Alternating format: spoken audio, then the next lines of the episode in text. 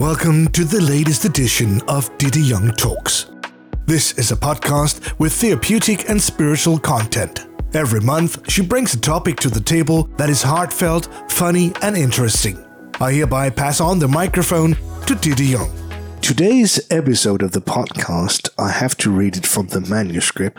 It's called What If Your Child Was Not Able to See a Rainbow? And that might sound a little bit strange. What does that mean? We will get into that. But Diddy, you want to talk about your son Philip. He's a disabled child, but since your audience do not know Philip, let's introduce him and uh, start with with the start when he was born, and maybe you can talk a little bit about how it was to realize that your son was born blind. Hmm. Um, that must be I mean, it must be really stressful as a mom. It because was. you have dreams and You have hopes. dreams, yeah, you have, and I think uh, the thing we, uh, as parents we have in common during the nine months of a pregnancy is being afraid or worrying. Do I have a healthy child inside of me? And when the baby come out, how can I be sure to make a safe environment and create a very healthy life for my child because I need to take care of this child. So it's all about survival. And of course, I was afraid if my child um, suffered from anything during my pregnancy as well. And here, where we are located in Denmark, we are being scanned uh, two times before giving birth, and everything was perfectly normal. And being a clairvoyant and spiritual and an empath as I am, I just knew something was wrong from the very beginning. It wasn't anxiety or worried thought. I just knew something was off. So when you told the doctors something is off, something's wrong, what did they say?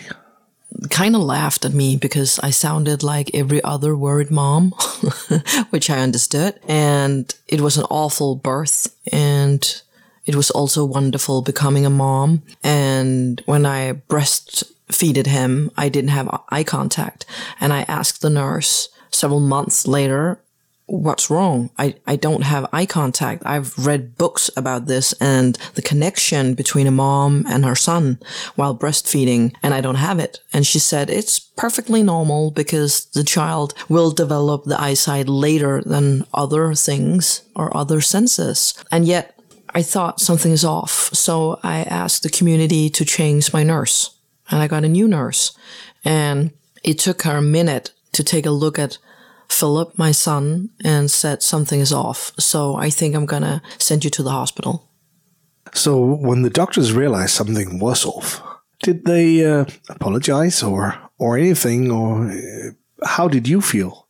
No, they don't do that in the system. They never apologize. You know, uh, here we don't lawsuit each other as much as other countries in the world. But if we have lived in another big country, I would have lawsuited them huge um, for the whole birth procedure and a lot of things. But I couldn't use it for anything, an excuse, you know, because I, I was being told when he was four months old, your son is completely blind. How is that? I mean, I can only imagine you being told your your newborn baby is blind. That was devastating. Uh, the worst day of my life. And a lot of other questions appeared, such as Do we need a dog? Does he need a stick? Will he be able to go to school? Will he be able to read? Uh, what's wrong with the eyes? And after a lot of examinations, they told me that he suffers from ONH, which is optical nerves malfunctioning. His optical nerves are malfunctioning. So if you imagine like a TV, which will be the eye, and you have the cable, it's the cable that is malfunctioning. So, so all the pictures in his eyes are very clear, but the, the cable that will, you know, send in the message to the TV is malfunctioning. So maybe it will take a normal seeing person a second to glance at something and and see, well, that's a tree or that's a computer or that's the sofa. But it would take Philip maybe 10 times to even consider what could this be.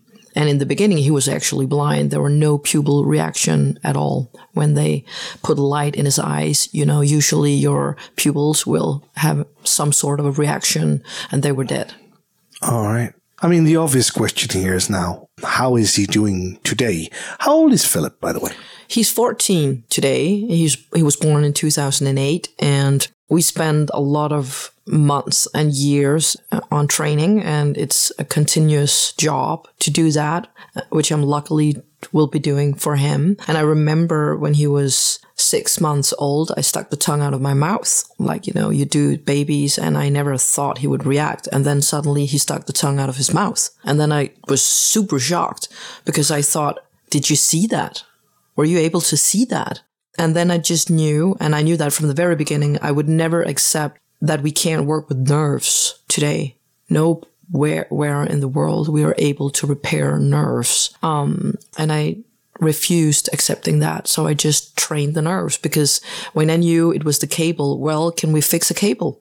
Could we fix a cable? Maybe. So I just kept on training him, and giving him letters in contrasting colors, his plates, his knife, a fork. How can you make a baby eat with a spoon if you can't see the spoon? He couldn't see the ceiling or the walls. He had no idea if it was day or night. It was just black. I had no idea could he see colors. So I needed to test him and see this is red, this is black, this is yellow. Can you repeat it?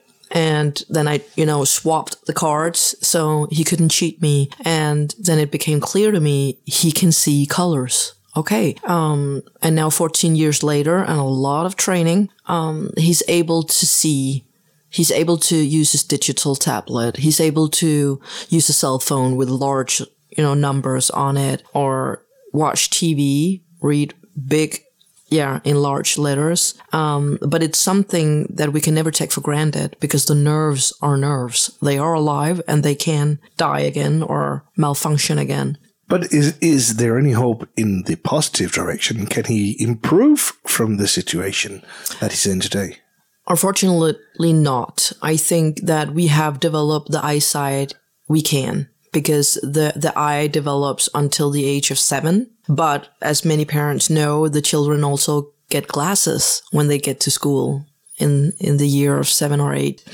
So we can constantly make sure to develop and keep what he has um, and a couple of years ago, the eye doctor told us that it got worse. And of course, his dad and I became very afraid. Oh my God, is it going in the wrong direction? And then again, I just got stubborn and knew, well, we have trained before. I just have to increase the training. And then we trained. And now he just got tested a month ago and it's back to his normal. So.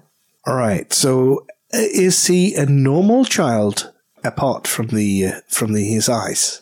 Um, to me, he's normal, but to the to the society, he is a disabled child because uh, when he was three years old, and uh, they found that he was also brain damaged, um, and he's autistic as well. He had physical problems, so I needed to train him to go into a walker because he was just, you know, no muscles at all. He fell apart or, you know, um, so we had to build up muscles as well. Uh, so he has three diagnoses today. That's a lot. Yeah. From for one mom or one dad. And it's a lot of work, but I guess there's also highlights. Yeah, I see I see Philip as the greatest gift of my life. I'm the type of mom that have resources and will never ever give up. I think many moms will be able to recognize this because that what that is what parenthood does to you you know as a person. You will fight for your child and so will i. But the beautiful gifts i see every day with him is never ever taking things for granted. And this is the reason why we call it what if your child wasn't able to see a rainbow?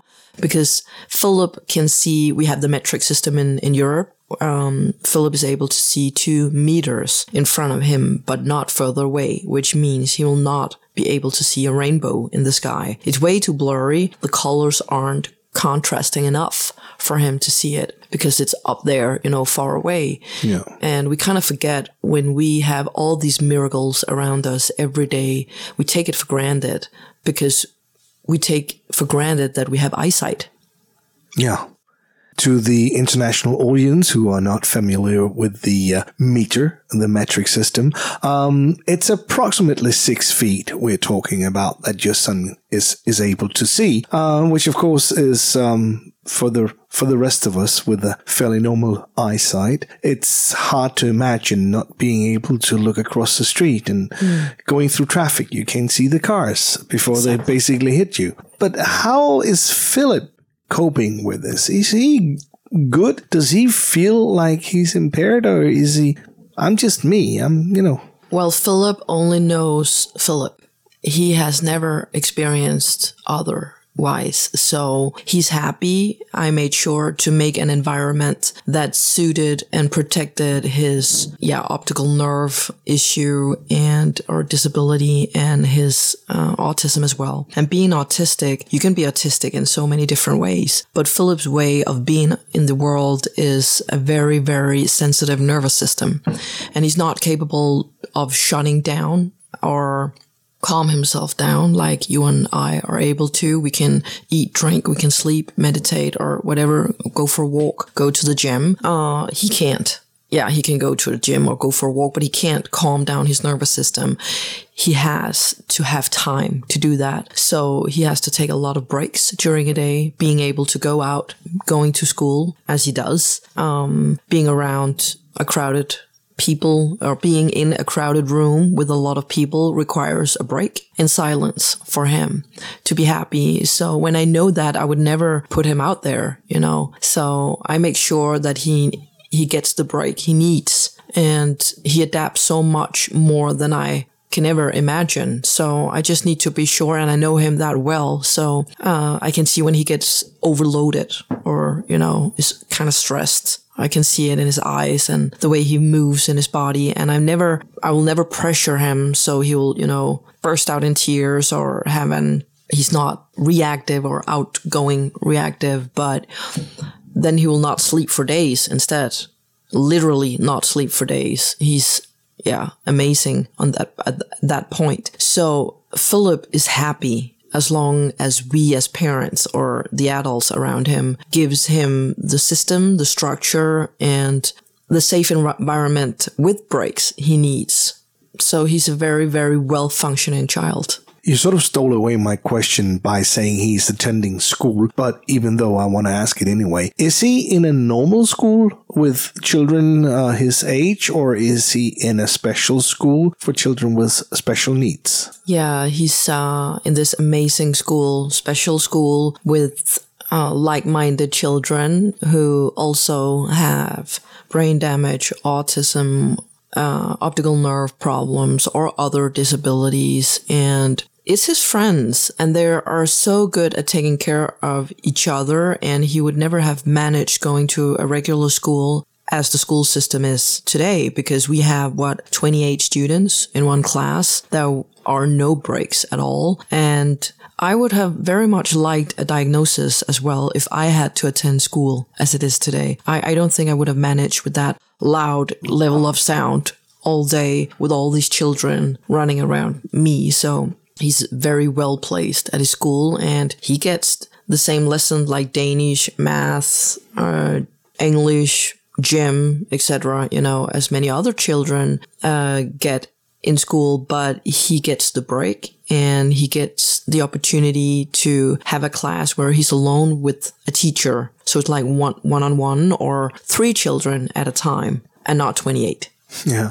Does does Philip think and or know that he is special and not like all the other children, or is he happy? Because I think people with no experience, like myself, with disabled people, um, you tend to think that you feel sorry for them. You see a person in a wheelchair or with any kind of disability, and you think, "Oh, I feel sorry for him or her," but sometimes you're not really sure if the person with a disability is really feeling sorry for themselves because they don't know any other world than the one they are in. I don't think that Philip feels sorry for himself. Sometimes I can, because he doesn't have language like you and I, I, you know, and that's, that's the issue with most brain damaged and autistic children that some of them, including Philip, have difficulties with being talkative but I sense him in a whole different way because I use my empathic skills and also my tel- telepathy skills with him and he talks, you know, but n- not long sentences. Sometimes I can see that there are things he would very much like to do, but he knows in a system this is going to be too much. And other times he seemed to amaze me, then he just walks out his room and take the liberty to do something because he want to do that as well. And I'm very happy whenever he has the courage and the stillness in himself um, and the strength to go out and do it. And I remember one time I had a discussion with a woman who visited his school. It's not a friend of mine. It's not a family member at all, but she visited his school and she was pretty shocked by seeing some of these children's disabilities and how difficult it was for the children. And she talked about that in front of Philip and then he started crying. And I looked at him and I just knew she's talking bad about his friends. And that's his reaction. Not that they are disabled, but don't talk bad about my friends, you know? So I just told her in front of Philip, will you kindly stop talking like that? It's his friends. And I knew they have disabilities, but um, to Philip, it's important that you know that they are normal to him. The way you explain it, it's like they have a parallel society with their own rules because, but they're even. Is that how it is? Is that, you know, we are all living life more or less in the same way. We have friends. So it's just, it's, it's the same, same, but different, as they, they say. I, I don't know if it's a parallel life. I would rather say they don't have prejudice against other people. They don't project on other people. And knowing that, I think that a lot of disabled children are more clean and pure in the heart than most people are. So we could learn a lot from them. We could. Actually, if if the world was filled with disabled people, it would be a better, be place. A better place. No yeah. war. No yeah. war. Yeah. Only love. So so Philip now fourteen. Yeah. So he has a long life in front of him. I hope. And um, what are your dreams for him now? You see him getting a relationship. You see him getting married. Will he be able to have children? I mean, all these questions, they must be in your head sometimes. Yeah, well, Philip definitely taught me about being in the now, but as a mom, I thought about will I ever have grandchildren? And you know what? That's going to be my ego wanting grandchildren. So I hope that Philip will have all the things in his life that he wants and not for my sake or his dad's sake or other people's sake. My wish for him is getting a job he loves, you know, going out and doing things he loves, even though if it's in the smallest, you know, area where he can do something good for society and he loved numbers and math. So he would be brilliant at counting something. uh, I know that he fell in love with a girl in school. So I know that he has those emotions as well. And maybe someday, you know, another girl will fall in love with him. Why wouldn't she? and let's see what's going to happen. You know, I don't think that he knows what marriage is. He knows what a family is, right. but not marriage. It's not important. It's just having a good time, being safe, feeling loved. And you know what? It's so simple. And that's what he constantly teach me. You know, he teaches me live life simple. Yeah. Sometimes I think we confuse things and actually we do. make it much more complicated than, than, it, than it is. So we could learn a lot from from people like Philip, and uh, you will teach Philip a lot of things. And I'm sure in the uh, future episodes of of your podcast, I'm pretty sure we are going to talk a lot about Philip, and it will be interesting to to learn more about him and and learn about your relationship with your son because I think uh, once the word once the words get out w- about this podcast I think a lot of people will be listening and and especially people in the same situation and and and hopefully they will think oh so I'm not alone I'm not alone uh, it's it's it's other people's life also. Yeah. And um, and as far as I know, as far as I've seen Facebook and and other way, um, Philip seems to be a happy boy. He he's having a good life, and Always. and uh, I do know it takes a lot of strength from you and and his father. But um, at the end of the day, it does seem worth it, and he seems so lovable. And Yes. um, I could never imagine having another child than him. I would never give him up for anything. Say that was the words for today. Thank you for listening, and uh, Didi, we will be back here. We will. Um, and same place as always. So we hope you will tune in and listen to the wise words of of Didi, and uh, I will try and ask the questions that you might have in your head. doing well. You're doing well. So thank you. Thank you. See you next time. Thank you for listening. You are able to learn more about Diddy Young's interesting work on diddyyoung.com or the social media platforms such as Instagram, Facebook, YouTube, and TikTok.